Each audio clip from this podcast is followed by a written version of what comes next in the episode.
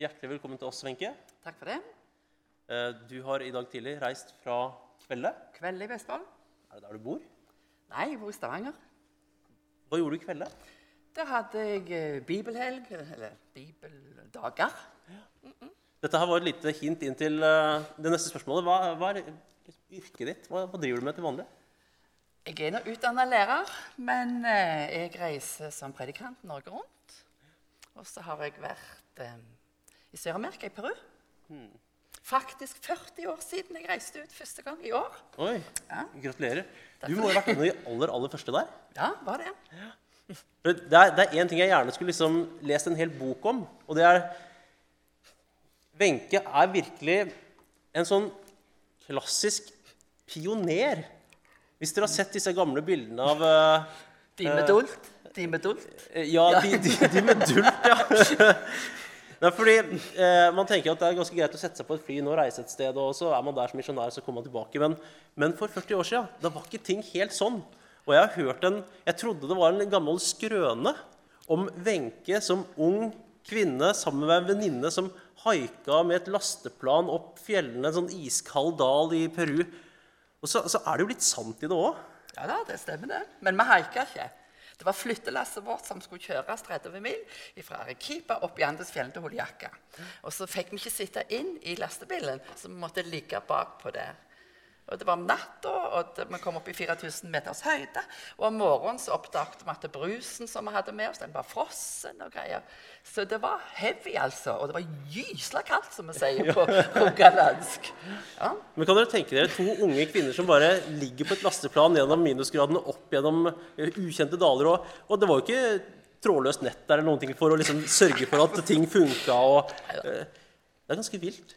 Eh, vi er veldig takknemlige for at du tok den jobben, og det- er jo mange i Peru også. eh, takknemlige for det. Eh, vi skulle gjerne fått noen til å skrive bok om deg og dine opplevelser. Så får vi se om det, om det kommer på Lunde et sted nær deg om ikke lenge. Eh, jeg har lyst til å be kort av deg før du taler. Herre, vi takker deg for Wenche. Takk for at hun er ditt barn. Takk for at du har gitt henne gaver fra deg som hun kan bruke til å formidle evangeliet. Vi ber Herre om at du leder henne ved din ånd nå, sånn at vi kan få noe som er fra deg. I Jesu navn. Amen.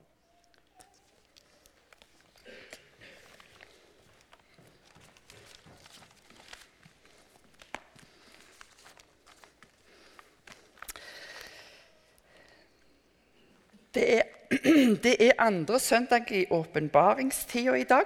Jeg skal lese teksten for i dag. Den står i Matteusevangeliet, kapittel 13. Nei, kapittel 3, fra vers 13 til 17. Og det står sånn i Jesu navn. Og du får det på nynorsk. Da kom Jesus fra Galilea til Johannes ved Jordan for å bli døypt av han.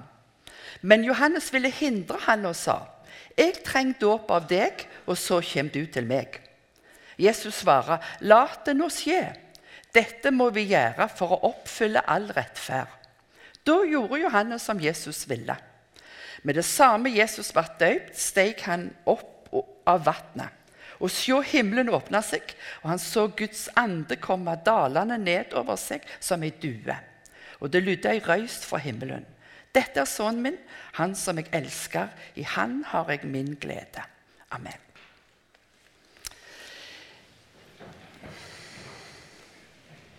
Når jeg leste at det var andre søndag i åpenbaringstida, så tenkte jeg hva betyr det? Hva er åpenbaringstida? Liksom? Hva er det som skal åpenbares? Så leste jeg om det. Der sto dette er ei tid der tekstene er valgt ut stod der, for om mulig å åpenbare for oss hvem Jesus er, og hva han har gjort for oss. Og når vi kom til den andre søndagen i åpenbaringstida, der vi om mulig skal få åpenbart for oss hvem Jesus er, og hva han har gjort for oss. Og i dag, i det som vi har lest, så får vi høre om når Jesus Sånn som vi sier det. Vi sier det er begynnelsen til hans offentlige virke, sier vi. Han er jo fra evighet av. Og Jeg leste i Feserbrevet kapittel 1 nettopp. Der står det at eh, vi er utvalgt i Kristus før verdens grunnvoll ble lagt. Men i denne teksten så er det liksom begynnelsen til hans offentlige virke. Han ble jo født julenatt. Vi har nettopp feiret det. Han vokste opp i Nasaret. Vi hørte om han når han var tolv år, at han var i tempelet. Og så er det gått 20 år. Og Jesus har vært der i stillheten i Galilea. Nå er han en voksen mann, og så, og så skjer dette her. Og vi sier av og til 'Nå steg Jesus fram på arenaen', sier vi. Han hadde jo vært der hele veien på arenaen, men liksom 20 år der i, i, Galilea som ikke har hørt noe, og så står han fram. Og så står det enkelt, syns jeg, i vers 13, som jeg leste til å begynne med. Da kom Jesus fra Galilea, står det, til Jordan, elva, til Johannes, for at han ville bli døypt av han. Liksom ut ifra stillheten der i nord. Og så kom han fram der i det offentlige rom. Det var før TV-skjermenes tid. Men likevel, når vi leser vår bibel, så ser vi liksom at der kom han. Og så står det noe om Johannes døperen før, i, kapittel, i samme kapittel, i verset før. Og da, eh, da brukes et sånn et uttrykk om Johannes i vers 1. På den tid steg døperen Johannes fram og forkynte i øyemerket Judea. står der. Liksom, han òg steg fram der. Vi har ikke hørt om han i mange år, om, i, på mange år. har vi ikke hørt om han, Og så stiger han fram der. Nå var tida kommet. Nå var tida kommet. Og så står det om Johannes at han forkynte, står det.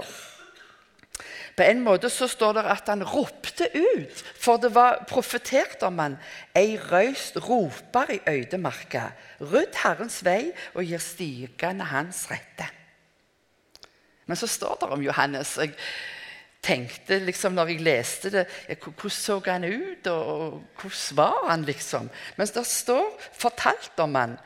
Jeg vet ikke helt hvordan jeg skal tolke det, om han var en sånn veldig, liksom, eller om han var helt alminnelig. For det står Johannes hadde ei kappe av kamelhår og lærbelte om livet.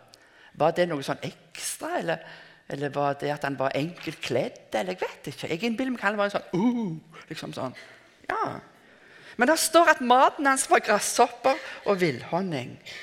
Han profeterte, profeterte om han. Han er en røst som roper. Så derfor, Han får ikke stilt, liksom. står det Han var en røst som ropte i ørkenen. Og så ropte han, 'Rydd vei for Herren, gjør stiene hans rette'. Og Jeg tror at han gav seg hen i livsoppgaven sin. Det tror jeg. Ropte det ut. Rydd vei for Herren, gjør stiene hans rette. Han var kommet til jord. Johannes var født for å rydde, være med og rydde vei for Herren i menneskenes hjerter. Sånn at de kunne ta imot Jesus når han kom. Og så skjer det som vi leser her, at han døyper mennesker. står der. Snakk om Johannesdåpen. Da står det at det gjorde han for å døype mennesker til omvendelse. står det. Og så slo jeg jo opp litt og leste om det. Hvorfor drev de og døypte liksom før? Så leste jeg at jødene de hadde utvikla en lære om renselsesbad. leste jeg. Hver fredag før sabbaten. Og òg etter at noen hadde vært i kontakt med noe ureint, så skulle de søke renselse i et renselsesbad. leste jeg. Og Da skulle de bekjenne sine synder, og så skulle de vende seg mot Herren. Og så tenker jeg, så skulle de begynne på et nytt og bedre liv. tenkte jeg. Ja, Det var regler for det. Hadde du vært borti noe ureint, skulle du rense deg. Og eh, Hver fredag før sabbaten skulle dette skje. Og så tenker jeg slik også her. De hører Johannes sin botsforkynnelse. Omvend dere. Begynn på et annet liv. Vend om, sier han, og ber frukt som viser at dere er omvendte. Han kritiserte deg, liksom. Du lever ikke sånn som du skal leve. Og Han var en botsforkynner, og derfor så tror jeg at han ropte. Røsten var sterk. Sto der. Han ga seg hen i sin livsoppgave. Jeg tror det var sterke saker for folk å høre på Johannes. Omvend dere. Og det står her at han sa Øksa ligger inn med rota på trea. Hvert tre som ikke bærer god frukt, blir hogget ned og kasta på elden. Og Jeg husker frøken på folkeskolen sa dette til oss, og hun demonstrerte det sånn at vi syntes vi hørte svisj, svisj, liksom. Økser som hogg på trærne. Så sto, men som ikke bar den frukta som de skulle bære. Og han sa, 'Omvend dere fra dette.' Han var en røst som ropte sterkt der. Og så står det resultatet her i vers 5 i Matteus kapittel 3. Folk i Jerusalem og hele Judea og landet langsmed Jordan drog ut til han, og de sanna syndene sine, og de ble døypt av han i Jordanelva. Det hadde vært kjekt å sitte på skjermen, ikke sant? En mann som sto der i Jordanelva, så, så kom den ene etter den andre. og Så, så døypte han dem. og sitt vannet som rant, og hørte murring og snakk rundt omkring. Og, kanskje de spurte hvordan var det Kjenner du noe annet nytt nå, eller er det som før? Eller hvordan var det der? Sa han noe til deg? Jeg er sikker på at de snakket sånn. Det var mye som skjedde. Og så står det Da kom Jesus fra Galilea til Johannes, til Jordan, for å bli døypt av han, står der. Merkelig. Merkelig. Han trengte ikke omvende seg, trengte ikke gjøre bot. Han, han, han levde fullkomment. Han var ren, var syndfri. Han var Guds sønn. Og så kommer han liksom der. Eh, kanskje noen tenkte ja, han er jo fra Galilea, vet du, og det var hedningenes Galilea. Og de sa kan det komme noe godt ifra Nasaret? Så vet ikke hva de tenkte. Men det var ingenting å utsette på den mannen som kom den dagen fra Galilea. Han var Guds enbårne, rene sønn. Og så tenker jeg når jeg leste dette her, ja, men hvem visste det? Den dagen. Hvem visste det når, når Jesus kom der, at dette var Guds sønn? Født i Betlehem, vokste opp i Nasaret. En mann de ikke hadde sett eller hørt noe om på iallfall 20 år. var det ingen som snakket om, virker det sånn. Og så kommer han der. Så tenkte jeg når jeg har lest dette, at Johannes visste noe. Men han visste nok ikke, han visste ikke alt, det skjønner vi. Men han visste noe. Han var jo i slekt med Jesus. Det står jo fortalt så flott i juleberetningene om Eller før jul, da, var det jo. Når eh, Maria fikk bud om at hun skulle bære Jesus inn i verden, så står det at hun reiser til slektningen sin Elisabeth. Og det var mor til Johannes døperen. Og så står det at når hun kommer inn i huset, så hopper står det, Johannes av glede i Elisabeths mage. Og hilser på en måte Jesus. Jeg kan jo godt tenke meg at mora har fortalt det til han etterpå. Så hadde faren òg fått beskjed fra Gud om at den sønnen som dere nå skal få, han skal være veirydder for Herren.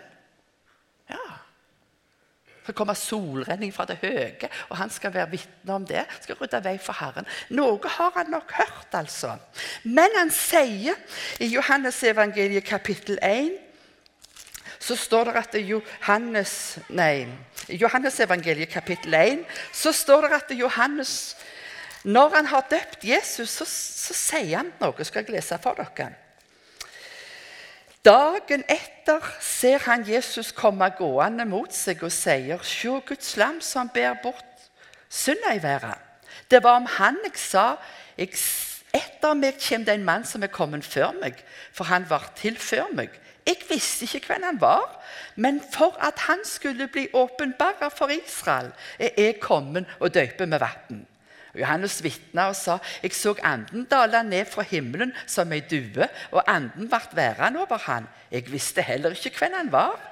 Men han som sendte meg for å døype med vann, han sa til meg, den du ser anden dale nedover og bli værende over, han er den som døyper med Den hellige ande. Og jeg har sett det, og jeg har vitna. Han er Guds sønn, sier han. Men jeg tror ikke han skjønte helt det når Jesus kom der og ville bli døpt av han. Selv om han visste mange ting. Dagen etterpå sa han Se der er Guds sønn som bærer verden sin synd. Jeg visste ikke hvem han var, jeg heller. Men Gud sa at han som Den hellige ånd kommer ned over som ei due, han er det. Og nå har jeg sett det, sier han. Han er Guds sønn. Og så ber han fram dette mektige vitnesbyrdet. Se, der er Guds lam som ber verdens synd. Men denne dagen var det nok ennå dunkelt for han. For det står at når Jesus kommer, så sier han til han, 'Jeg trenger dåp av deg, og så kommer du til meg.' Og det står at han ville hindre han. Tenk på hva var det at han ville hindre han, at at han ville ikke gjøre det, at han ville nekte han det. Han var sånn blanding av tro og tvil. Johannes. Så døyper han Jesus og skjønner han hvem han er. og Så sier han ikke der er Guds lam som bærer verdens synd. Så kom han i tvil senere. Når han ble tatt og havna i fengsel, da sendte han bud til Jesus. Sier er du den som skal komme, eller skal vi vente en annen? Så lever han der. Denne dagen ser han noe. Og så vil han hindre, står det, at Jesus ble døpt når jeg leste det, så tenkte jeg senere, tre år etterpå, så sier Jesus til disiplene sine, som han hadde gått sammen med i tre år De visste jo at han var Guds sønn. Og så sier han nå skal jeg opp til Jerusalem for å lide og dø. Da tar Peter han til side og sier mester, det må aldri hende deg. Det var dunkelt for dem. De hadde ikke skjønt det helt, hvordan dette her skulle gå til. At Jesus var Messias, og at Jesus var Guds sønn, og at Jesus skulle frelse oss. Det må aldri hende deg, Da sier Jesus, 'Vik bak meg, Satan'. Han snakker ikke så strengt til, til Johannes, men um, han sier noe. Han sier, 'La det nå skje', sier han. Dette må vi gjøre for å oppfylle all rettferd, sier han. Dette må skje. Og så begynner Jesus på en måte å lære han og de rundt seg og oss noe om Guds frelsesplan og Guds redningsaksjon for verden. La det skje, sier Jesus. Dette må vi gjøre for å oppfylle all rettferd. Og så står det Da gjorde Johannes som Jesus ville, står det. Han døpte han der. På en måte tenker jeg dette her er virkelig begynnelsen opp til påskens budskap. Og det som vi leser om i 2. Korinterbrev, kapittel 2 Nei, 2. Korinterbrev, kapittel 5, vers 21. Han som ikke visste av synd, har han gjort til synd for oss, så vi skal være rettferdige for Gud i Han. Det er det som blir demonstrert den dagen. At Jesus, den rene Guds sønn, han lar seg døpe. Han tar på seg våre synder. Han gjør seg på en måte solidarisk med, med oss. Og så lar han seg døpe. Selv om han ikke trengte å omvende seg. Men han gjør det for vår skyld. Han, på en måte blir han døpt for at han skal dø for oss. Han som ikke visste av synd, han ble gjort til synd for oss, for at vi skal kunne stå rettferdige for Gud i ham. Lina Sandell har skrevet en lang sang om dette. På åtte vers. Husker vi sang den på misjonsskolen. Jeg syns det var altfor mange vers. Forsoninga er vunnet i Jesu dyre blod. Og der sang vi Din rettferdighet, de rettferd enest gjør meg salig. Jesus står der, han ville dette, for det står 'La det nå skje'. Dette må vi gjøre for å oppfylle all rettferd. Da gjorde Johannes som Jesus ville, står der. Så sa Johannes òg ja til det Guds frelsesplan.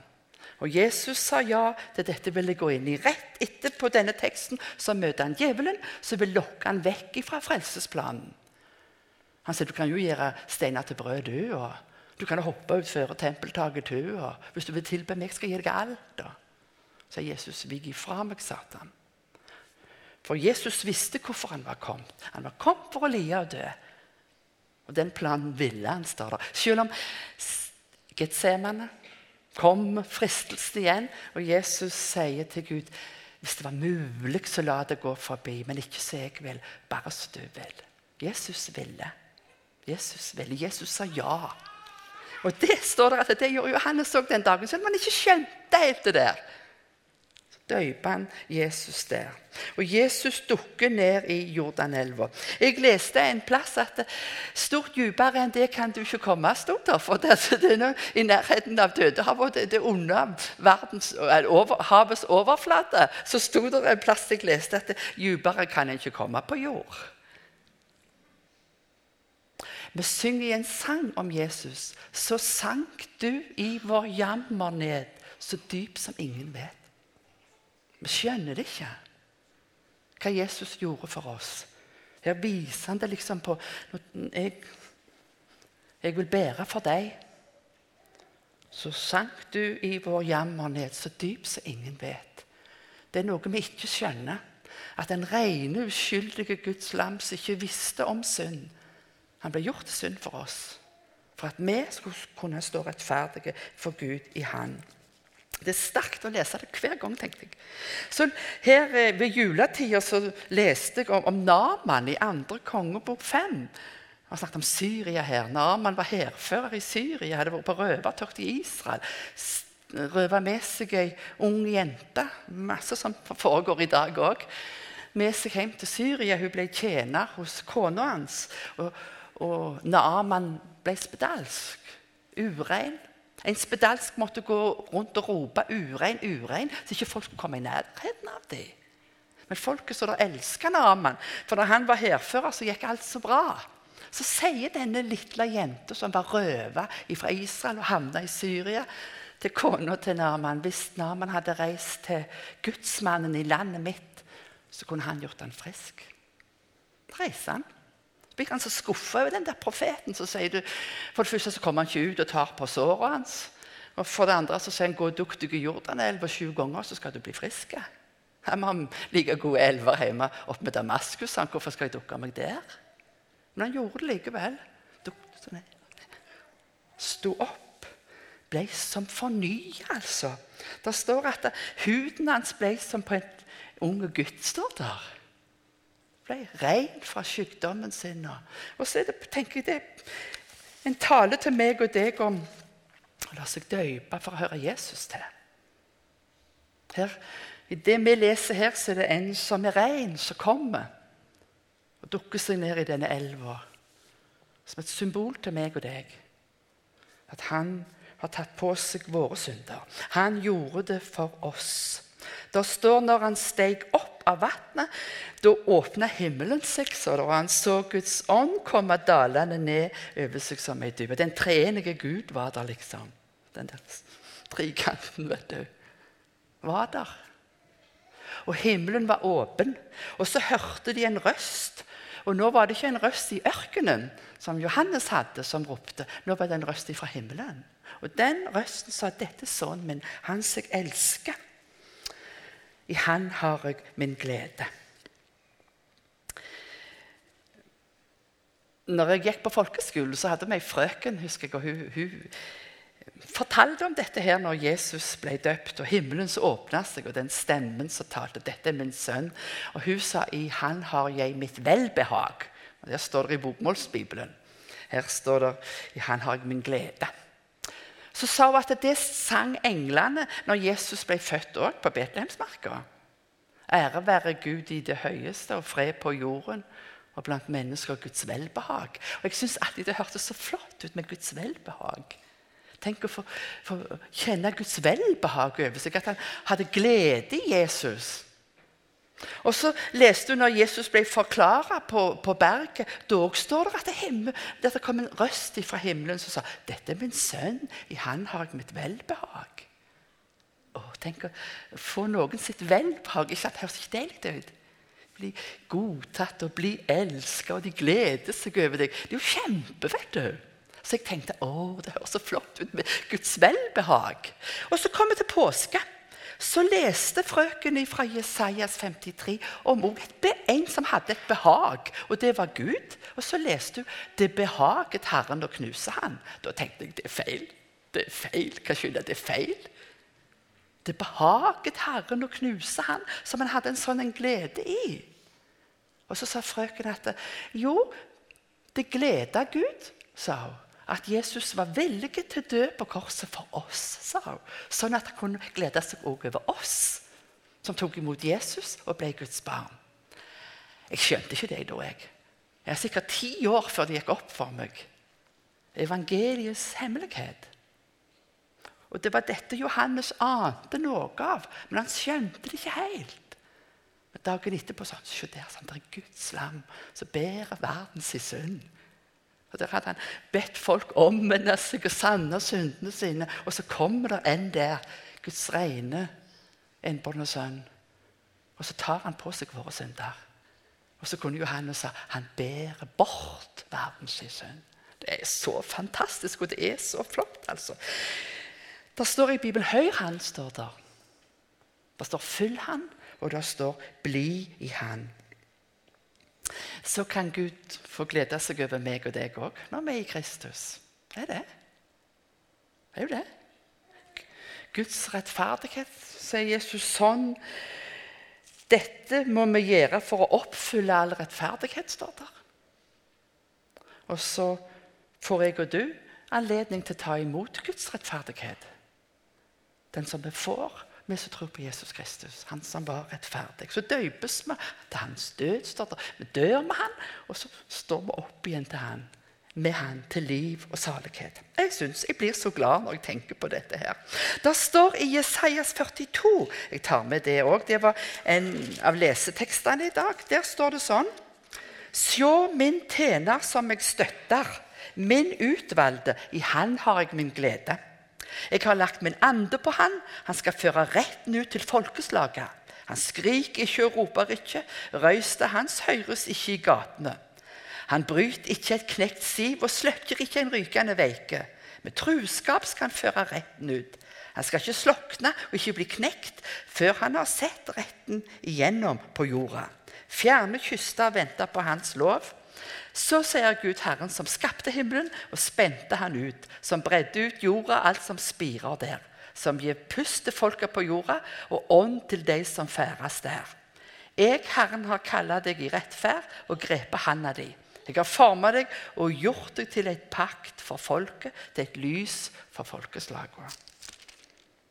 Når jeg leste dette her om dagen, så tenker jeg tenker at jeg òg i 40 år har fått lov å være med og brakt lyset ut til folkeslagene sagt det at Jesus kom. Jesus ikke bare lot seg døpe den dagen, men han døde for oss. For at vi skulle kunne bli Guds barn. Og når Gud ser på oss, så ser han oss i Kristus, og da er vi rettferdige og rene. står det. Det er en annen lesetekst òg i dag. Jeg tar med den òg, for den taler om vår dåp. For vi lar oss døpe, og vi ber barna våre til dåpen for at de skal få del i dette som Jesus har gjort. Og I apostelgjerningene kapittel 19 så var det noen som kom i samtale med Paulus. Han kom til Efesus. Og så står det sånn i apostelgjerningene 19 Der møtte han noen læresveiner og spurte dem fikk de Den hellige ande da det kom til tro. De svarer vi har ikke engang hørt om noen hellig ande. Hva dåp ble det da døypte vi, spurte han. Med Johannesdåpen, svarer de. Da sa Jesus, da sa Paulus Johannes døypte med en dåp til omvending. Han sa til folket at de skulle tro på den som kom etter han. Det er Jesus. Da de hørte det, let de seg døype til Herre Jesu navn. Og Da Paulus la hendene på dem, kom Den hellige ande over dem. De taler i tunger, og de taler profetisk. Det er en annen dåp enn Johannes. At Jesus, eller Jesus sin dåp. Dette er en dåp til å høre Jesus til. Da de hørte det, lot de seg døpe i, Jesus, i Herren Jesu navn, står det. Og Så skal jeg avslutte med å lese noe som står så flott i Jesajas kapittel 62, vers 5. Der står det sånn Gud som taler. Som en ungdom gifter seg med jomfru, skal dine sønner gifte seg med deg. Som en bryggom gleder seg over si bror, skal din Gud glede seg over deg, står det. Ja. Gud gleder seg over sin sønn. I han har mitt velbehag, sier han. Og så sier han, 'Bli i ham'. Så hviler Guds velbehag òg over oss. Gud gleder seg over oss. Tenk. Tenk også å kunne gå ut i dagen og forholdsvis nytt år og tenke, det, tenke at Gud gleder seg over meg. Kan det være noe å elske? Ja, for den som er i Kristus Jesus, som er elsket av Gud, som en brudgom gleder seg over sin bror, står det, skal din Gud glede seg over deg. Da tenker jeg takk, Jesus, for at du døde for meg. Herre Jesus, vi takker deg for at du kom. At du tok på deg å dø for oss. At du var villig til det. At du er det Guds lam, offerlam, som bærer bort verdens synd. Og Vi ber om at vi måtte få glede oss over det. Og at vi måtte være med å spre denne fantastiske nyheten til folk som ikke har hørt, og minne andre om det om igjen og om igjen. At det er nok det du gjorde når du døde for oss på korset. Takk for at Gud kan glede seg over oss, og at vi står rene og rettferdige i deg. Jeg ber om at du vil velsigne denne dagen, og at vi kunne få lov å leve resten av våre liv i din nærhet. Amen.